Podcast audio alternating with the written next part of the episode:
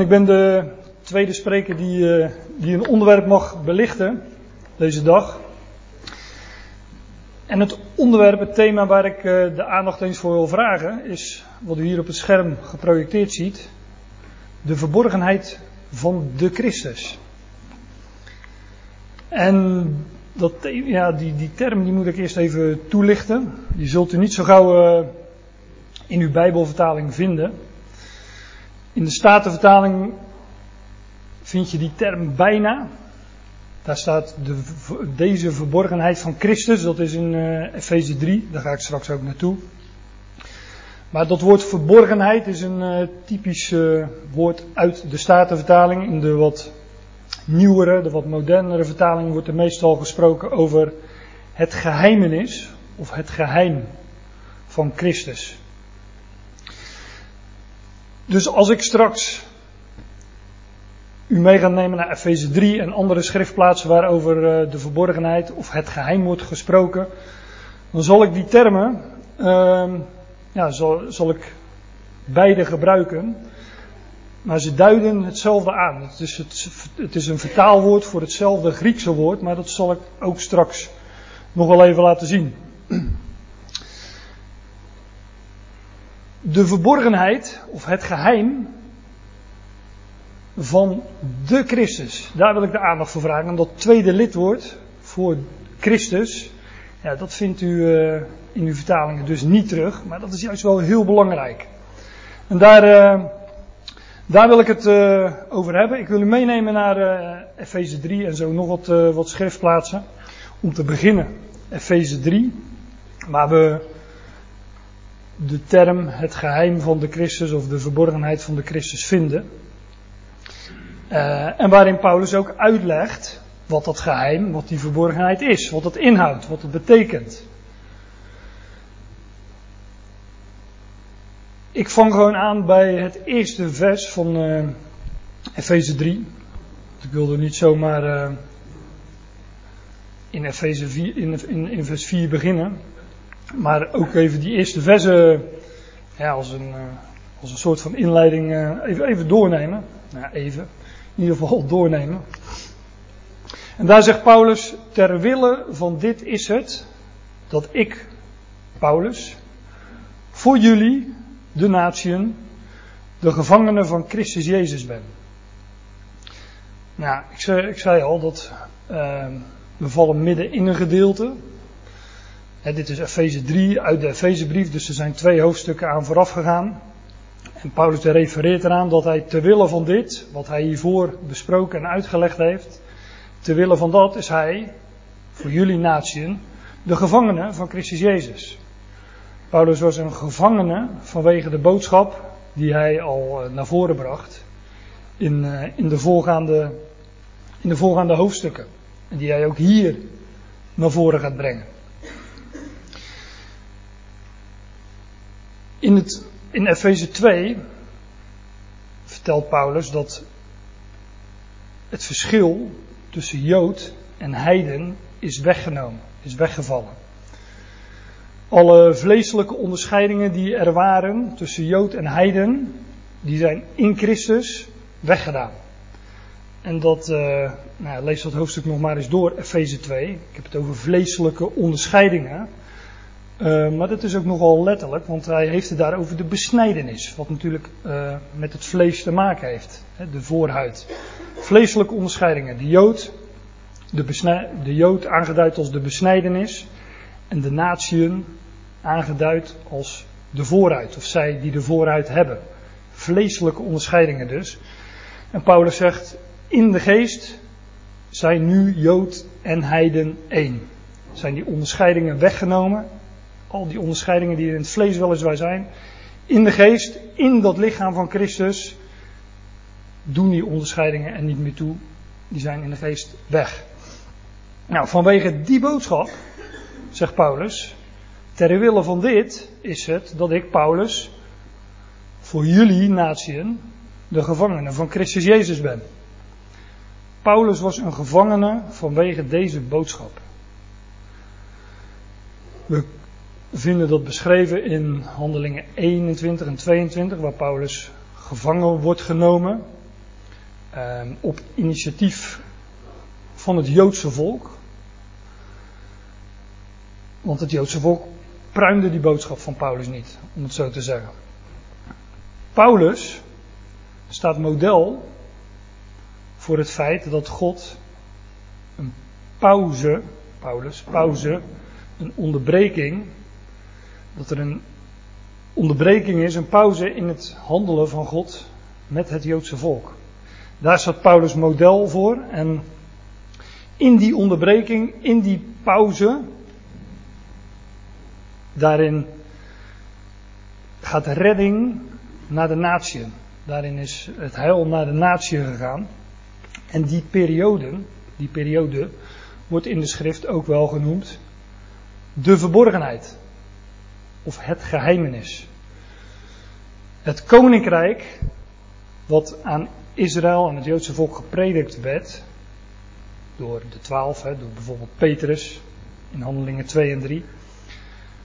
Dat koninkrijk werd niet openbaar, werd niet zichtbaar, maar het werd verborgen.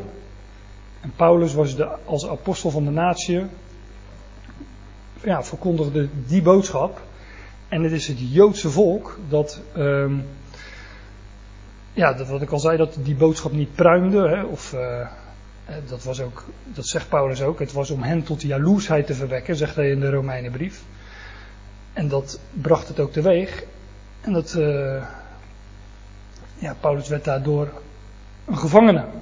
Op initiatief van het Joodse volk. Maar hij zegt, de wille van dit is het dat ik, Paulus, voor jullie de natieën, de gevangene, niet een gevangene ben, maar gevangene van Christus Jezus.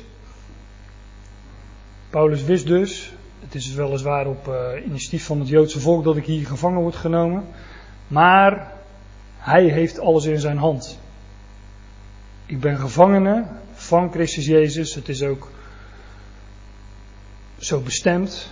God heeft het zo bepaald. En het dient ook een doel dat ik de gevangene van Christus Jezus ben. Hij zegt, uh, aan Paulus was ook voorzegd in de, Christus Jezus is aan, is aan, hem verschenen. En Christus Jezus had hem ook voorzegd dat hij voor, uh, ja, voor koningen gesteld zou worden. En ook zou moeten lijden om zijn naams wil. Ook dat lezen in handelingen. Te willen van dit is het dat ik Paulus voor jullie de natieën de gevangene van Christus Jezus ben aangezien jullie zeker horen van het beheer van de genade van God.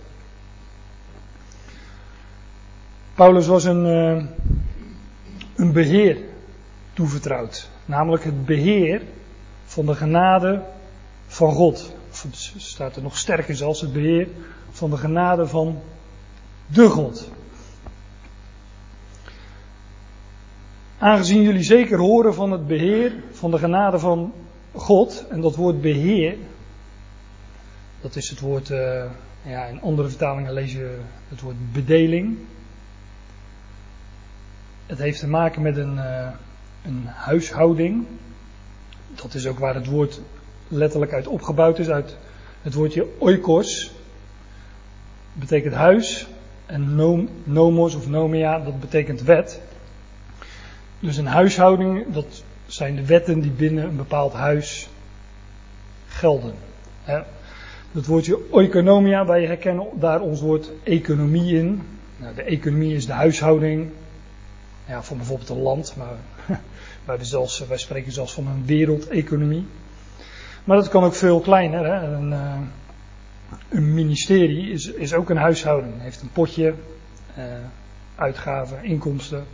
Dat is een huishouding. Hoe, uh, en, en, dat is een oikonomia, een economie. En aan Paulus was het beheer, de huishouding van de genade van God toebetrouwd. Paulus mocht die genade van God, de genade van de God, mocht hij bekendmaken. Mocht hij beheren. Hij mocht. Hij was de huishouder van die, uh, uh, van die huishouding. Aangezien jullie zeker horen van het beheer van de genade van de God, dat aan mij gegeven wordt voor jullie. Ja, Paulus zegt iets soortgelijks in uh, Colossense 1 vers 24 en 25. Ik heb ik, ja, ik had deze presentatie voorbereid en toen had ik zoveel dia's dat ik dacht van ja, dat, uh, dat ga ik niet redden in die uh, eh, 50 minuten die mij gegeven zijn. Dus ik heb er uh, echt wat in moeten knippen. En nou, dat heb ik opgelost door in ieder geval wat schriftverwijzingen te geven die, ja, die, u, dan, die u dan later nog eens kunt terugzoeken. Maar ook in Colossense 1 vind je dus dat Paulus uiteenzet dat, uh, dat die huishouding van de genade aan hem was gegeven. En dat, was, dat dat is voor zijn lichaam, de gemeente, en dat die was gegeven aan Paulus. Uh, naar de huishouding van God die mij gegeven is, aan u om het woord van God te completeren. Paulus zou dat woord van God tot volheid brengen. Dat wat daaraan nog ontbrak, ja, dat openbaren, dat mocht Paulus openbaren, dat mocht Paulus bekendmaken. Aangezien jullie zeker horen van het beheer van de genade van God dat aan mij gegeven wordt voor jullie, dat aan mij door onthulling het geheim of de verborgenheid bekendgemaakt wordt. Onthulling, ook een bekend Grieks woord, apocalypsos, zo heet uh, het laatste Bijbelboek, de openbaring. Daar wordt het ook al mee vertaald. Openbaring. De openbaring van de verborgenheid of de openbaring van het geheim. Dat hangt dus echt van de vertaling af. Maar iets onthullen, dat heeft het woord in zich, is dat een bedekking ergens van afgenomen wordt.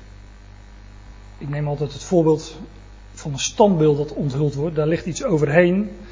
Niemand ziet wat er is. Maar één ding is zeker, daaronder ligt iets verborgen. En Paulus neemt de onthulling weg zoals een standbeeld onthuld wordt. En een kleed van een standbeeld afgetrokken wordt en dan is, oh wauw. Aan hem is door onthulling het geheim bekendgemaakt. Aan Paulus is dat dus geopenbaard, maar dat, dat heeft ook al iets in zich van openen. Iets wat geopenbaard wordt, iets wat onthuld wordt. Het is er wel, maar het is verborgen. In de opbouw van het Griekse woord, apocalypsos, dat is uit deze woorden opgebouwd. Vanaf plus bedekking. En, dat is ook dat een, de bedekking wordt ervan afgehaald. En, en dan is ze dus onthuld. Het was er al, maar bedekt. En Paulus is degene die door onthulling het geheim, de verborgenheid, aan hem werd tot bekendgemaakt. Hij maakt, het ja, hij maakt het weer bekend aan ons en dat gaat hij hier doen.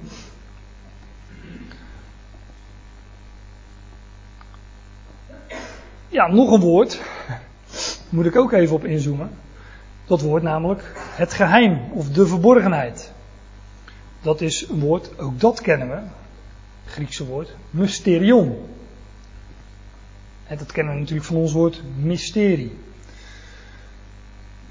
En het woord, ons woord mysterie, ja, dat heeft een wat, uh, wat vage bijklank. Een wat duistere, uh, dat roept een wat duister gevoel op wellicht.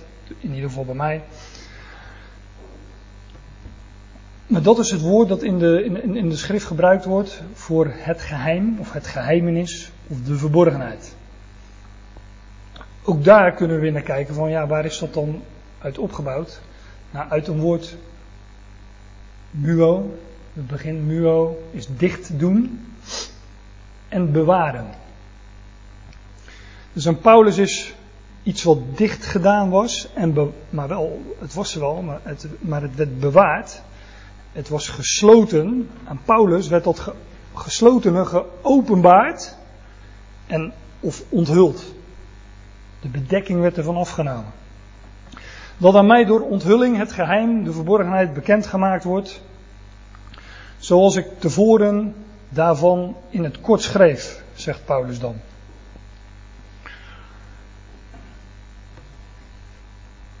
Hier in de MBG, um, de, de, bovenste regel zijn de, dat is eigenlijk de Griekse tekst, alleen dan getranslitereerd, want Griekse letters kunnen wij nu eenmaal niet lezen. Die tweede regel is de letterlijke weergave daarvan, maar die derde regel, dat is de NBG-vertaling. En de NBG-vertaling heeft hier het geheimenis zoals ik hierboven al in het kort geschreven heb. Daarmee refererend aan Efeze 1 vers 9. Dat Paulus hier zou zeggen in Efeze 3 vers 3 dat hij hierboven, dus ja, boven in dezelfde brief, al over dat geheim geschreven had. Nou, dat heeft hij ook in, uh, in Efeze 1 vers 9. Maar letterlijk staat er dat hij zegt, zoals ik tevoren in het kort schreef. En ik geloof dat hij hiermee uh, refereert aan uh, schriftplaatsen als Romeinen 16, 1 Korinthe 2, twee versen, twee keer noemt hij dat. Hij zegt namelijk, zoals ik daarvan, zoals ik tevoren daarvan in het kort schreef. In Efeze 1 schrijft hij hierover niet in het kort. Dat doet hij tamelijk uitgebreid. Ik was toevallig vorige week uh, op Urk. Toen heb ik over Efeze 1 gesproken. En in al het navolgende van Efeze 1, vanaf vers 9 tot 23 is dat uh, uit mijn hoofd. Legt hij ook uit, daar gaat het over het geheim van Gods wil. Daarin legt hij in dat hoofdstuk uit wat dan dat geheim van Gods wil is. Nou, dat doet hij niet kort, dat doet hij tamelijk uitgebreid. En Paulus gaat in dit hoofdstuk, in Efeze 3, gaat hij echt uitleggen wat het geheim, de verborgenheid van de Christus, wat dat inhoudt. En hij zegt, nou, zoals ik tevoren daarvan in het kort al schreef. Het heeft natuurlijk geen zin om te refereren aan eenzelfde brief en te zeggen van, nou, ik heb er al over in het kort geschreven.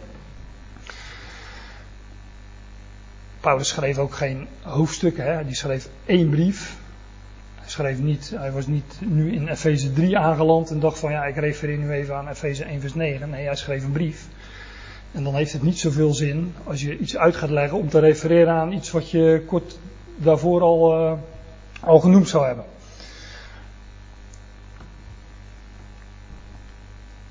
Hij zegt, zoals ik, daarvan, zoals ik tevoren daarvan in het kort schreef. Dat doet hij inderdaad wel in Romeinen 16 en 1 Korinthe 1. Daar schrijft hij er echt kort over.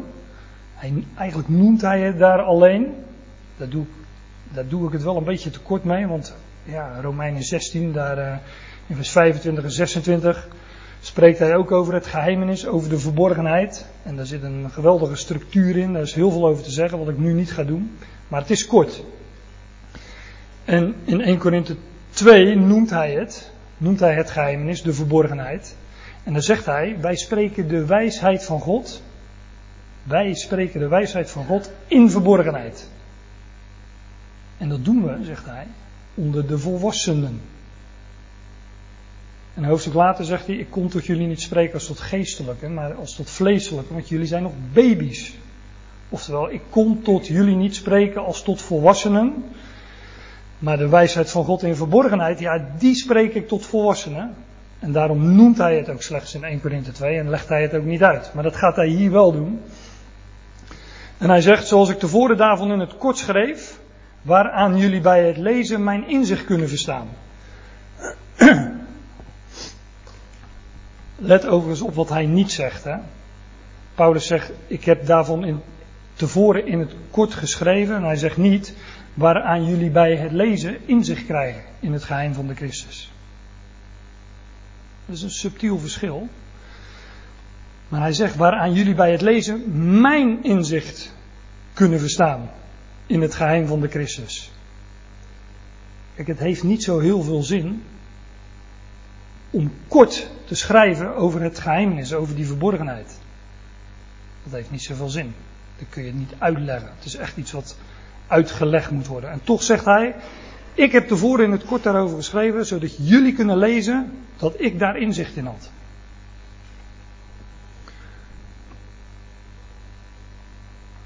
Paulus zegt hier dus over de verborgenheid, over dat geheim, dat hij erover had geschreven, zodat zijn lezers konden zien dat hij, ja, dat hij er inzicht in had. Nu vraagt zich misschien af van, uh, nou daar ga je wel, uh, daar ga je niet even zomaar naar voorbij daar maak je wel wat, uh, daar weet je wel wat woorden aan. Um,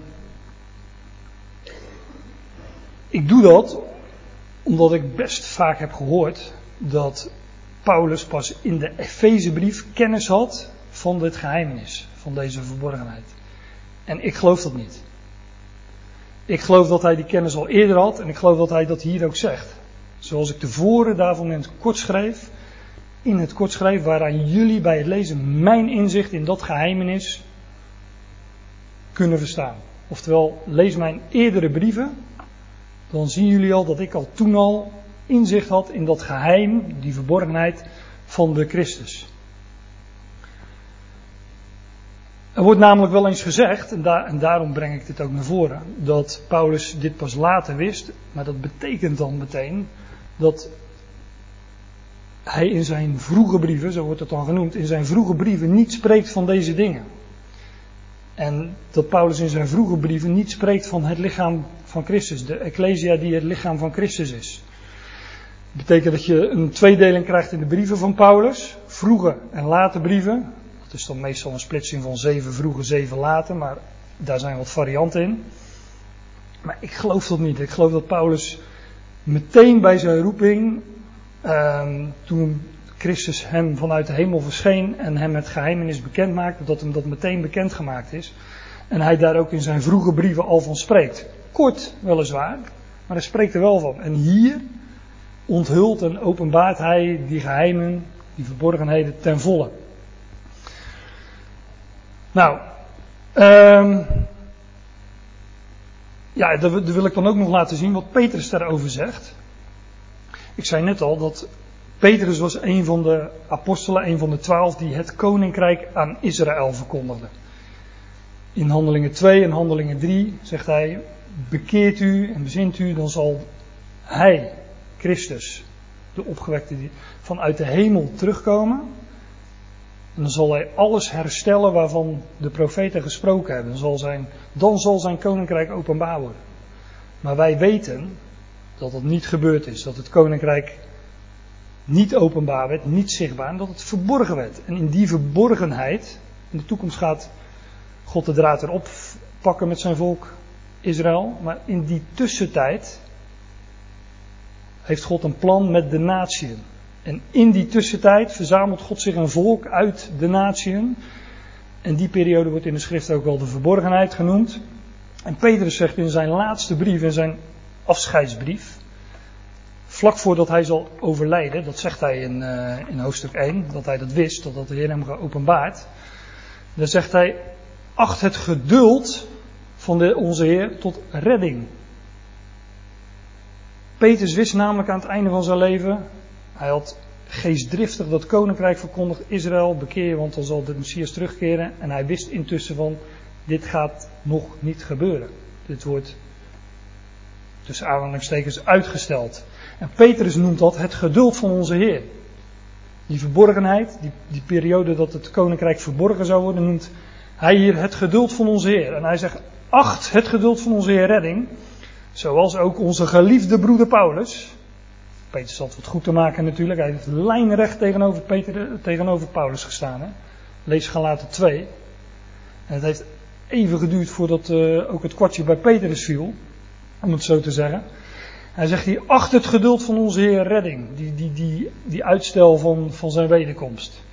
Zoals ook onze geliefde broeder Paulus aan jullie schrijft. Naar de wijsheid die aan hem gegeven wordt. Zoals ook in alle brieven al zijn brieven spreekt hij van deze dingen, zegt Petrus hier. Waarin hij over deze dingen spreekt. Zoals ook in al de brieven waarover hij, waarin hij over deze dingen spreekt. Dus ook Petrus, om het onbiedig te zeggen, veegt alle brieven van Paulus op één hoop. Hij ziet dat, positiever gezegd, als een eenheid. Want in alle brieven spreekt hij over deze dingen. Nou, daarin zijn sommige dingen moeilijk te begrijpen. En daarom uh, houden we een conferentiedag als deze en uh, gaan we zo'n onderwerp eens belichten. Nou, die de onkundigen en onstandvastigen tot hun eigen ondergang verdraaien. Evenals ook de overige schriften. Dat laat ik even voor, uh, uh, voor wat het is, wat hij daar verder over zegt. Waaraan jullie bij het lezen mijn inzicht kunnen verstaan in het geheim van de Christus. In het geheim van de Christus. In de meeste vertalingen komt dat niet zo naar voren, gaf ik al aan. Maar dat staat er echt, dat zie je hier ook in de interlineair. Het geheim van de Christus. Wat is nu dat geheim? Daar gaat het over. Wat, wat is die verborgenheid van de Christus? Dat gaat hij uitleggen, bekendmaken, maar niet in het volgende vers, want er komt eerst nog een, eh, een soort van tussenzin. Dat in andere generaties, dat geheim, die verborgenheid, dat in andere generaties niet bekendgemaakt is. Het is dus, uh, ja, vergelijkbare uitspraken vind je dus ook bijvoorbeeld in Romeinen 16, vers 25. Ook in Colossense 1, het gedeelte dat ik net aanhaalde. Dat het in andere generaties niet is bekendgemaakt. Aan de zonen van de mensen. Oud Testament, uh, de mensenkinderen. In de eerste plaats natuurlijk uh, de kinderen Israëls. Het is niet in eerdere generaties bekendgemaakt aan de kinderen Israëls, maar daarmee ook niet aan, uh, aan de overige volken. Maar Israël was Gods, uh, hoe noem je dat? Gods volk, Gods heilsorgaan. Maar aan, aan hen is dit geheimenis, deze verborgenheid van de Christus, niet bekendgemaakt. Ook aan de overige volken niet, dat zei ik al. In andere generaties is het niet bekendgemaakt aan de zonen van de mensen, zoals het nu werd onthuld aan zijn heilige afgevaardigden en profeten. Het geheim van de Christus is dus in andere generaties verborgen gebleven, maar nu in de generatie van Paulus is het onthuld aan zijn heilige afgevaardigden, heilige apostelen. Grieks woord, hè, apostelen, ook al, ook al Grieks. Kennen jullie het Grieks zo? Maar het is, het is, werd nu, zegt Paulus, het werd nu onthuld aan zijn heilige. Nou ja, na de studie van anderen weten we wat een heilige is. Maar aan zijn heilige apostelen, afgevaardigden en profeten. Of zijn heilige apostelen, namelijk profeten. Want een profeet is iemand die spreekt namens God. Dat betekent dat woord ook, profeet. Er staat niet dat het in andere generaties niet bekend werd gemaakt. Punt.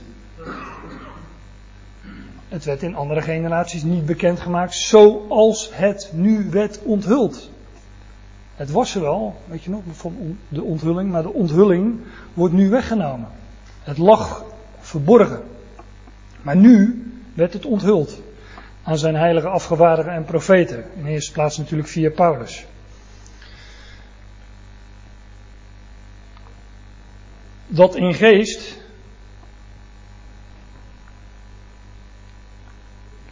dat in geest, ja, de, de, de, de, de MBG heeft ervan gemaakt, dit, dit geheimenis namelijk dat in de geest, nou, dat, daar verwijst het natuurlijk naar terug, het verwijst terug naar, eh, naar vers 4. Het geheimenis van de Christus, toen kwam die tussenzin in vers 5, dat in geest, dus nu gaat hij echt uitleggen wat het geheim, de verborgenheid van de Christus, wat het inhoudt. Het geheim van de Christus, namelijk dat in de geest. En dat is in tegenstelling tot wat hij naar voren bracht, gaf ik zojuist ook al aan, in Efeze 2, over al die onderscheidingen in het vlees. Hij zegt tegen, de heide, tegen, zijn, ja, tegen zijn lezers hè, uit de natieën, herinner je daarom dat jullie eens jullie natieën in het vlees, een vleeselijke onderscheiding namelijk, of je, of je tot het ene volk of tot het andere volk behoort. Herinner je daarom dat jullie eens, jullie de natie in het vlees, die voorhuid genoemd worden door de zogenoemde besnijdenis, denigrerend natuurlijk, door de besnijdenis, het Joodse volk werden die natie voorhuid genoemd, of honden, of uh, nou ja, er vast nog wel meer termen in de schrift, maar ze werden ook voorhuid genoemd. Die aan het vlees met handen gebeurt. Hè? Dus is echt een vleeselijke onderscheiding die, uh, die besnijden is. En hij zegt, herinner je dat jullie in die tijd zonder Christus waren. Vervreemd van het burgerrecht van Israël en gasten van de verbonden van de belofte. Zonder hoop en zonder God in de wereld. God handelde via Israël en die na, de naties stonden daar buiten. En zo werden ze dus ook gezien door het Joodse volk. Maar nu, zegt hij dan in vers 13, maar nu in Christus Jezus zijn jullie die eens ver af waren, dichtbij gekomen door het bloed van Christus. Letterlijk staat ook hier overigens in het bloed van Christus. Paulus had de vroegere. Paulus bespreekt hier de vroegere positie van die natie, van die heidenen, van die volkeren. In het vlees, ze stonden overal buiten. Buiten, nou ja, in ieder geval buiten Christus. Ze waren zonder Christus. Maar nu, zegt hij dan, ook zo'n typische Paulus-uitspraak, in Romeinen 3 vind je die ook. Maar nu, hè, dat, dat, betekent een omwenteling, een ommekeer. Maar nu in Christus Jezus zijn jullie die eens vooraf waren dichtbij gekomen in het bloed van Christus. En dat in Christus is eigenlijk al de samenvatting. Hij gaat, het straks nog, gaat het straks uitleggen, maar ook hier vind je, je vindt het in alle brieven van Paulus, die term in Christus. Dat in Christus, in Christus Jezus, dat is al de samenvatting van die verborgenheid van dat geheim van de Christus. Dat wij in Christus zijn, in Hem.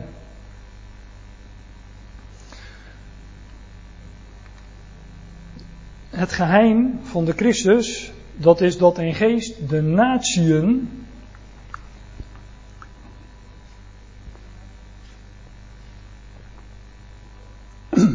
dat de, dat de natieën mede lotbezitters zijn.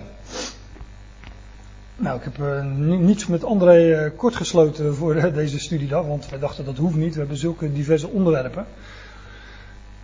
Maar hier, dit hoef ik al nauwelijks meer uit te leggen.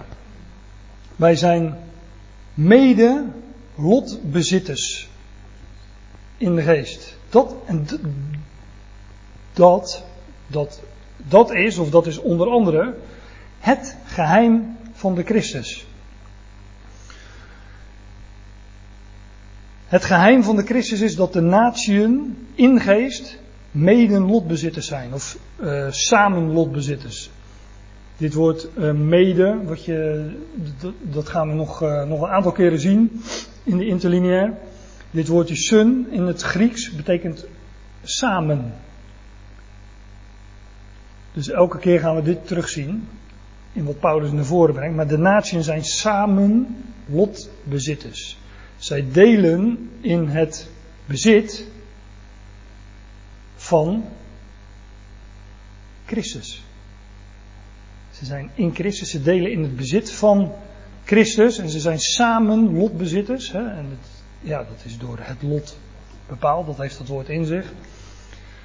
Ze hebben dat door het lot toebedeeld gekregen. Ze zijn samen lotbezitters. Ja, met, vaak wordt er gezegd, ja, met Israël samen. Nee, wij delen weliswaar met Israël samen daarin, maar we delen in het lotbezit van Christus. Misschien zeg ik dat niet helemaal goed, hè? Ze zeggen wij Jood en Heiden delen in dat lotbezit van, van Christus, ze worden in, in één lichaam geplaatst. Want in Christus is dat hele onderscheid er helemaal niet meer. Maar ik ga verder. Um, dat in geest en natie mede lotbezitters zijn. En ik, uh, kijk, we vinden een aantal van die termen in dit vers. Mede tot het lichaam behorende, mede deelhebbers. En ik wil bij elke term wil ik, uh, wil ik een voorbeeld geven uit, uh, uit andere brieven. Of, of, uit dezelfde brief, uit de Efezebrief. En van dat mede lotbezitters, dat samen lotbezitters zijn met Christus, nou, dat vinden we al in, uh, in Efeze 1, waar Paulus zegt, hij maakt aan ons het geheim van zijn wil bekend. Hij maakt aan ons de verborgenheid van zijn wil bekend. Naar zijn welbehagen dat hij zich voornam in hem. Dus God maakt aan ons het geheim, de verborgenheid van zijn wil bekend. En God doet dat overeenkomstig zijn welbehagen. Hij heeft daar een welbehagen in. En hij had, het, hij had zich dat al voorgenomen. Dat hij zich voornam in hem. Weer dat in. We vinden het telkens terug in Paulus' brieven.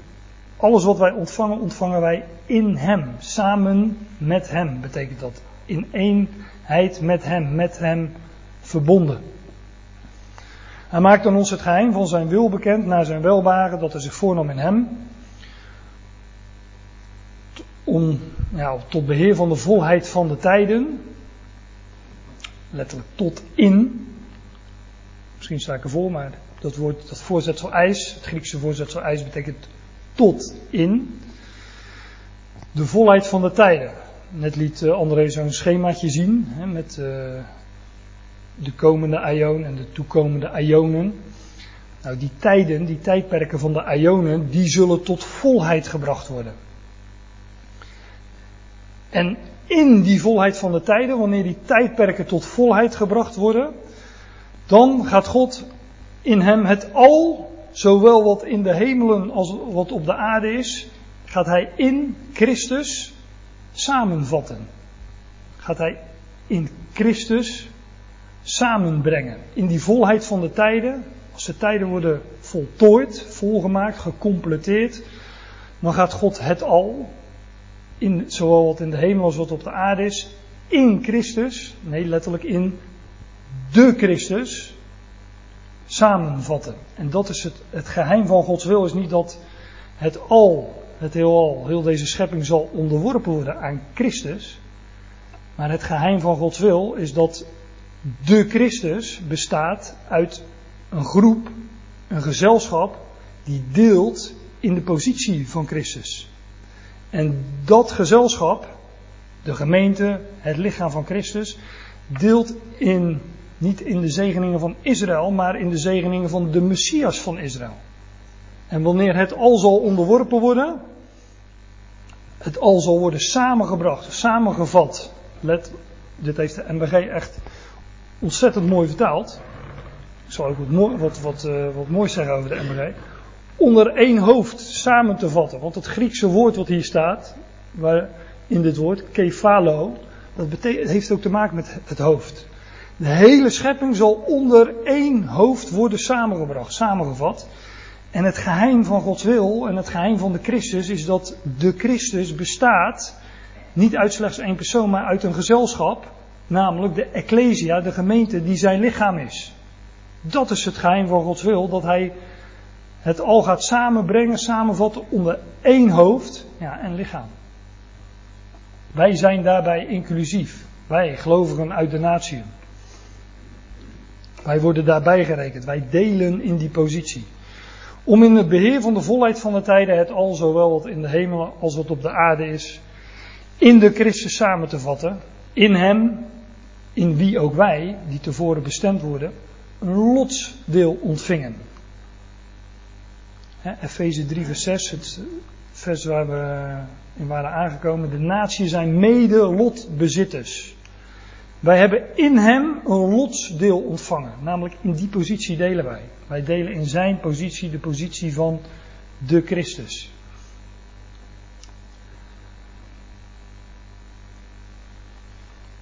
Naar het voornemen, ook hier weer het voornemen, het plan van hem die alles inwerkt naar de raad van zijn wil. Het is Gods plan, het is Gods voornemen om dat in hem zo tot stand te brengen. En dat lag al in Gods wil besloten. Alleen het was pas Paulus die dat bekend maakt. En die de onthulling daarvan wegneemt en die het bekend maakt.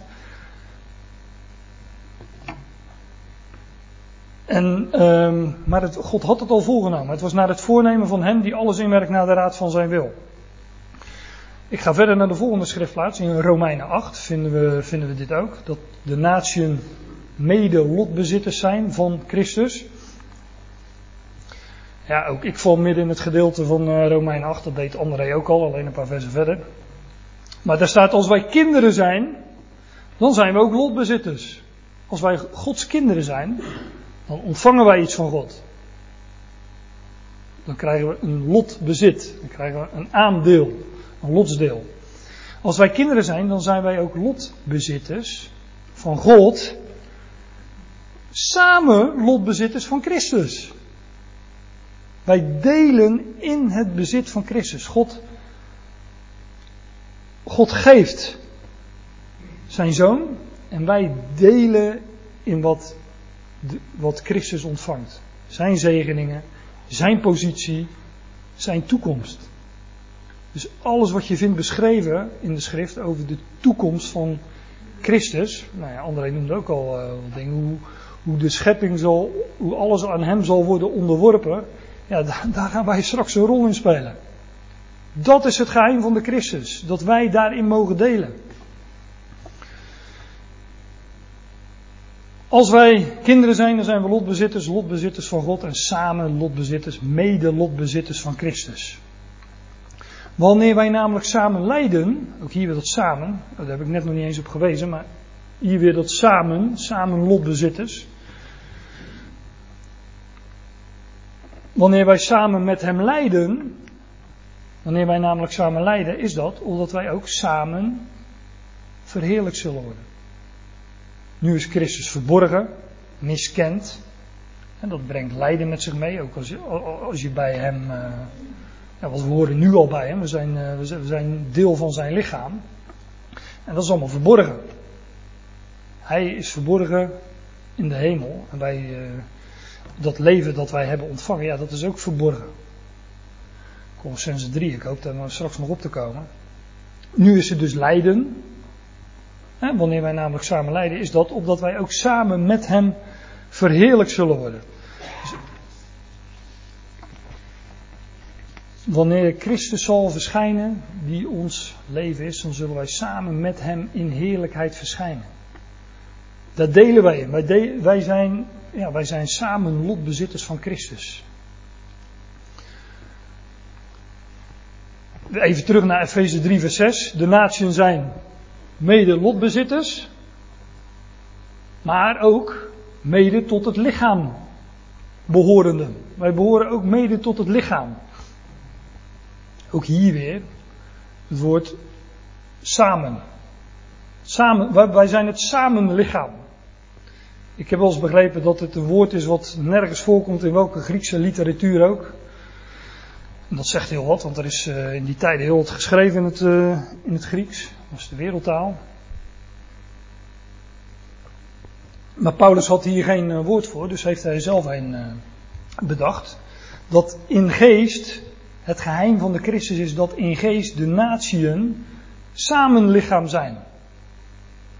Wij zijn één lichaam met Christus. Wij zijn ingelijfd. Wij zijn ingelijfd. Maar niet zoals ik zo vaak gehoord heb, wij zijn ingelijfd bij Israël. Nee. Wij zijn ingelijfd in de Christus. Wij zijn ingelijfd in Christus. Wij zijn leden van zijn lichaam. Dus niet bij Israël ingelijfd, nee, bij de Christus, bij de Messias van Israël. Dat in geest de natieën mede tot het lichaam behoren. Ja, dat uh, vind je bijvoorbeeld in 1 Korinthe 12. Want net als het lichaam één is en vele leden heeft.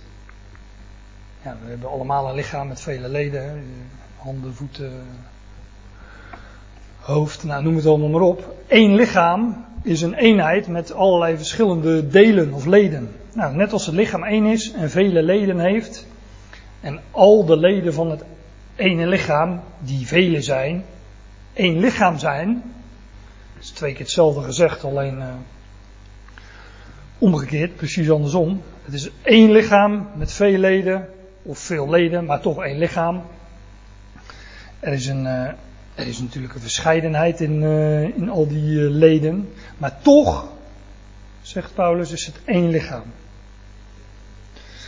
Net zoals het lichaam één is en, de, en vele leden heeft, en al de leden van het ene lichaam, die vele zijn, één lichaam zijn, dan zou je verwachten dat hij zou zeggen, zo ook het lichaam van Christus. Dat zou je verwachten, wat hij zou zeggen. Maar Paulus zegt het heel kort. Zo ook de Christus. Maar we weten wat hij bedoelt. In dit verband. We weten dat hij hier bedoelt hoofd en lichaam. Daar heeft hij het over. Net als het lichaam één is en vele leden heeft. Dus Paulus noemt dat hele lichaam, die eenheid, noemt hij de Christus.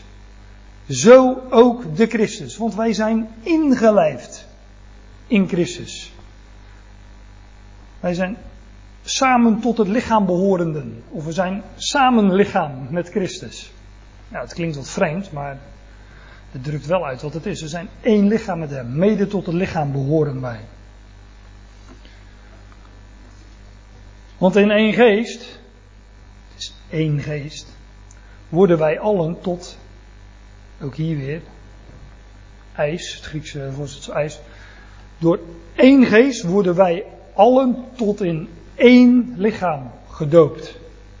Het gaat niet over een doop in water, dit gaat dus over de doop in geest, hè? Dat, dat staat hier gewoon. Maar wij worden door die geest door, in één lichaam gedoopt. Een doop zou je kunnen lezen als eenwording of vereenzelviging. We worden in één geest allemaal tot in dat ene lichaam gebracht en één gemaakt. Het zij Joden, het zij Grieken, het zij slaven, het zij vrije. Ja, die, eh, die vleeselijke onderscheidingen, zei ik al, die doen er niet toe. Want het is een geestelijke waarheid.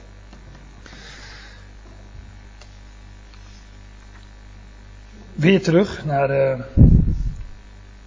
Efeze 3. De natieën, het geheim van de Christus is dat in geest de natieën zonder onderscheid. Er is geen Jood, er is geen Griek meer, is, er, is geen onderscheid. Is geen Nederlander, het maakt niet uit of je Nederlander, Duitser, uh, Jood of, of, Griek bent, dat, dat onderscheid is er niet. In de geest. Het geheim van de Christus is dat in de geest de natieën mede lotbezitters zijn, mede tot het lichaam behoren en mede deelhebbers zijn van de belofte in Christus Jezus. Ze zijn uh, samen, ook hier samen, samen deelhebbers. Samen met hebbers. Samen deelhebbers van de belofte. Uh, of samen deelhebbers, mededeelhebbers van het beloofde. Zou je ook kunnen zeggen. De, de belofte of het beloofde. Zij zijn samen deelhebbers van de belofte in Christus Jezus. Dus wat aan Christus Jezus beloofd is, ja, daaraan hebben de natieën in geest deel. En dat is het geheim van de Christus. Nou ja, Efeze 2, daar staat, uh, maar God, die rijk is aan ontferming vanwege zijn grote liefde waarmee hij ons lief heeft, Ja, hier, hier gaat het over, over de, die hele Efezebrief gaat over wat, wat God doet. die alles werkt naar de raad van zijn wil, zagen we net in uh, Efeze 1. En hier staat God die rijk is aan ontferming vanwege zijn grote liefde waarmee hij ons lief heeft, maakt ons, die dood zijn in de misstappen, dat, dat is ons aandeel zeg maar, nou ja, aandeel. Dat is onze positie, zeg maar. Hè? De, de dood in, uh, hoe zegt de Statenvertaling wat, in zonde en misdaden, meen ik. Maar de dood in de misstappen. Want, ja, daar heb ik het uh, vanmiddag niet eens over. Maar wij zijn in Christus. Maar Paulus legt bijvoorbeeld al in, uh, in de Romeinenbrief uit, in Romeinen 6, dat wij met hem gestorven zijn en begraven. Dat we ook daar aan die dingen deel hebben. We zijn met hem gestorven en begraven, ja, met hem opgewekt enzovoort. Maar dat, ja, we zijn dus, uh, dus ook dood in, in de misstappen, in zonde en misdaden. Nou, dat is, uh, onze, was onze positie, zeg maar. God die rijk is aan ontferming vanwege zijn grote liefde waarmee hij ons lief heeft, maakt ons die dood zijn in de misstappen, samen levend met Christus. Wij delen dus in de belofte, daar gaat het om. De natieën zijn mededeelhebbers van de belofte of het beloofde in Christus Jezus. En God maakt ons samenlevend met Christus. Christus ontving de belofte van levendmaking. Wij ontvangen met Hem die levendmaking. Wij zijn samen, God maakt ons samen levend met Christus. Ja, in genade zijn jullie gered. Ja, er komt geen, uh, Dat, daar komt geen mensenwerk aan te pas. Ja, bij die dood houdt ook, uh, houdt ook al ons menselijke streven op natuurlijk. En dan, de, de, de Efezebrief is echt een ode aan God die alles werkt naar de raad van zijn wil. God maakt ons samen levend met Christus. Dus wij delen in de belofte die, uh, die hij ontving naar leven, namelijk opstandingsleven. God had immers beloofd dat hij Christus zou opwekken op de derde dag. Nou, daar delen wij in. Hij maakt ons samen levend met Christus. En hij wekt ons samen. Elke keer dat samen, ik wijs er maar weer op. Hij wekt ons samen op. Dus God beloofde dat hij Christus op zou wekken. Nou, hij wekt ons samen met hem op. Wij delen in die belofte die aan Christus gedaan is. Delend in de belofte van zijn opwekking. Met hem opgewekt. Mede opgewekt met Christus. Nou, het verschil tussen eh, opwekken en levend maken, dat, uh, dat bewaren voor een andere keer. Hij wekt ons samen op en hij. Het wordt nog, het wordt nog mooier, het gaat nog hoger. Hij doet ons samen zitten in de hemelsen. Of in de hemel. Of MBG zal hier wel hebben in de hemelse gewesten. In de hemelse plaatsen.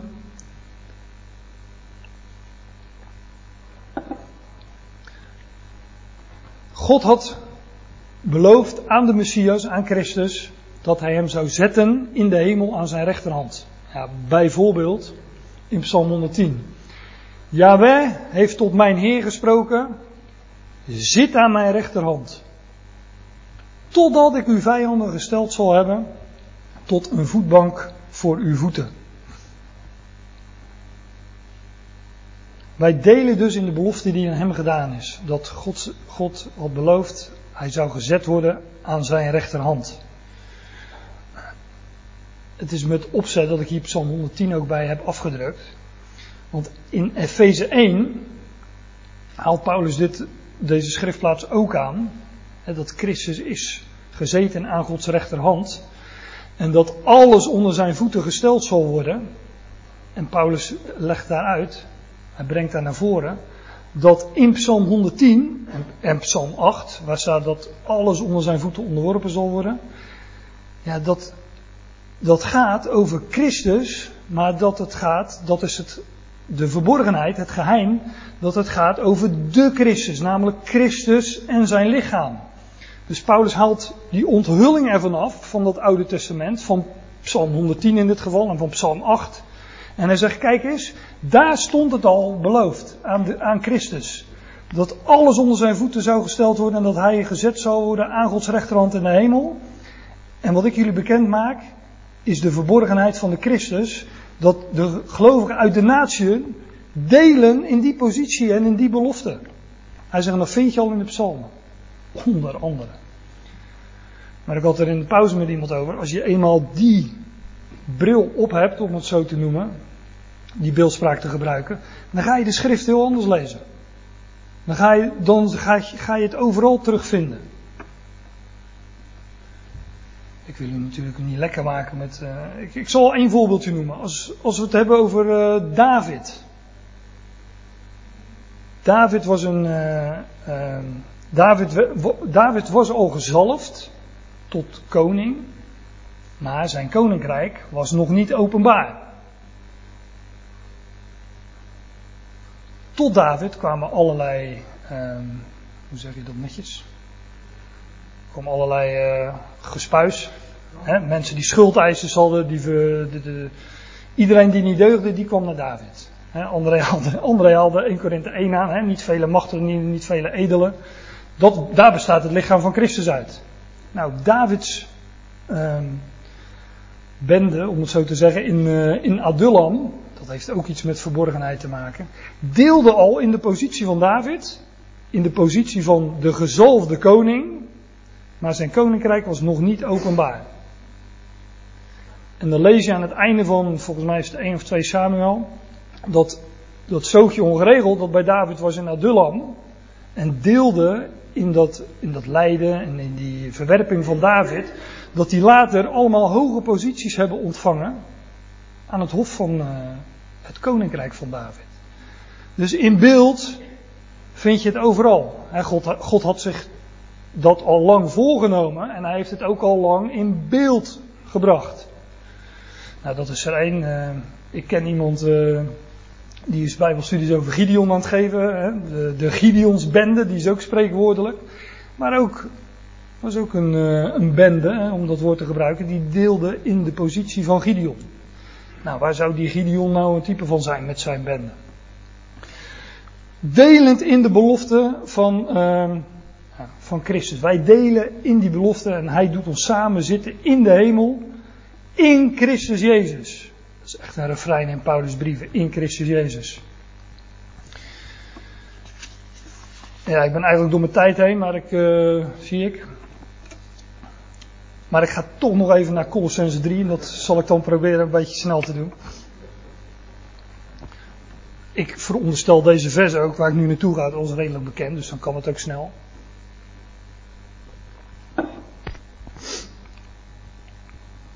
Indien jullie dan samen met Christus, daar is hij weer, samen met Christus werden opgewekt.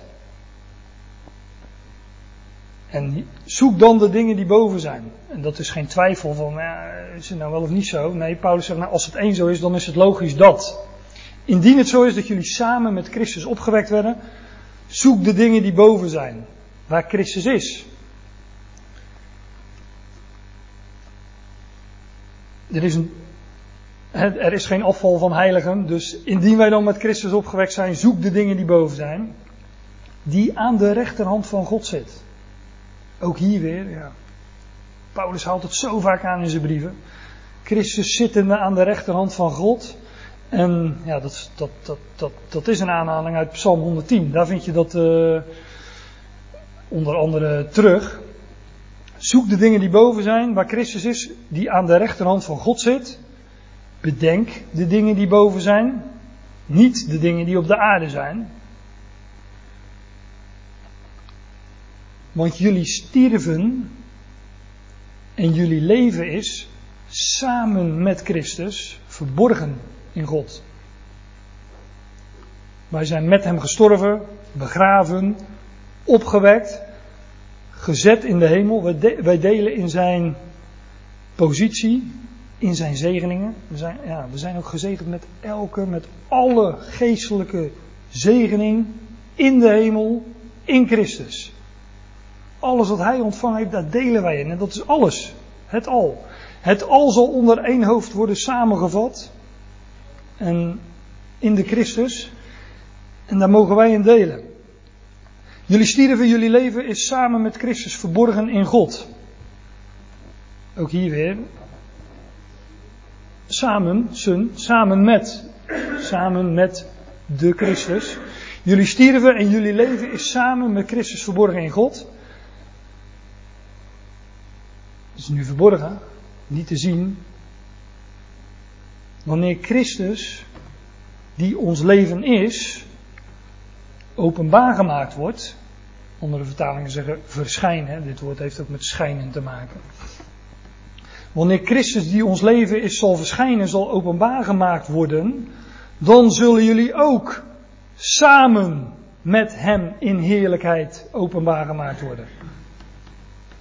Dus onze heerlijkheid die we nu al hebben, want Christus heeft, Christus heeft die heerlijkheid, en wij zijn gezegend met elke geestelijke zegening in de hemel in Christus. Alleen het is verborgen. Maar wanneer Christus die ons leven is zal openbaar gemaakt worden, zal verschijnen, dan zullen wij ook met Hem samen, dan zullen jullie ook samen met Hem in heerlijkheid verschijnen of openbaar gemaakt worden. Dan zal die heerlijkheid openbaar worden. Ja, wij delen dus in die, uh, in die beloften, in het beloofde in Christus Jezus.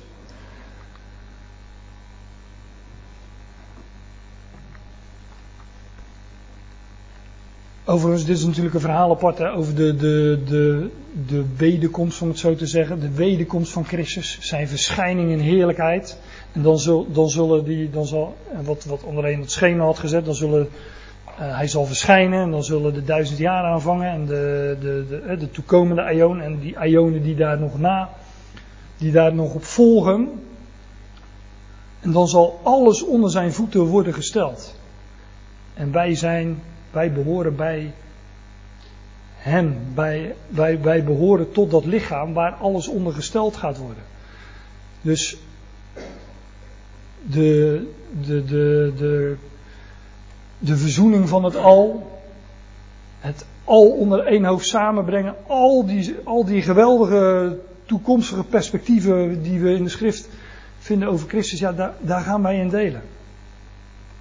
Adembenemend. Ik zeg altijd, ja, je kunt er geen kleurplaat van maken. Want het, ja, hoe, hoe, kun je dat voorstellen? Dat wij daarin gaan delen.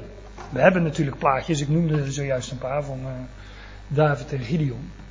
Maar dat zal, uh, zal geweldig zijn. Dan zult ook gij, zullen ook jullie samen met hem in heerlijkheid openbaar gemaakt worden. Dus het geheim, samenvattend, het geheimenis van de Christus, het geheim van de verborgenheid van de Christus is dat in geest, verborgen dus ook, dat in geest de natieën medelotbezitters zijn, mede tot het lichaam behoren en mede deelhebbers zijn van het beloofde of de belofte in Christus Jezus. En dat, uh, daar delen wij in door het goede bericht. Het goede bericht dat Paulus bekend mocht maken.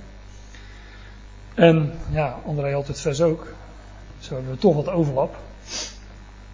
Maar het woord van de waarheid, in wie ook jullie horende het woord van de waarheid, het goede bericht van jullie redding, in wie ook jullie gelovenden, worden verzegeld met de Heilige Geest van de belofte.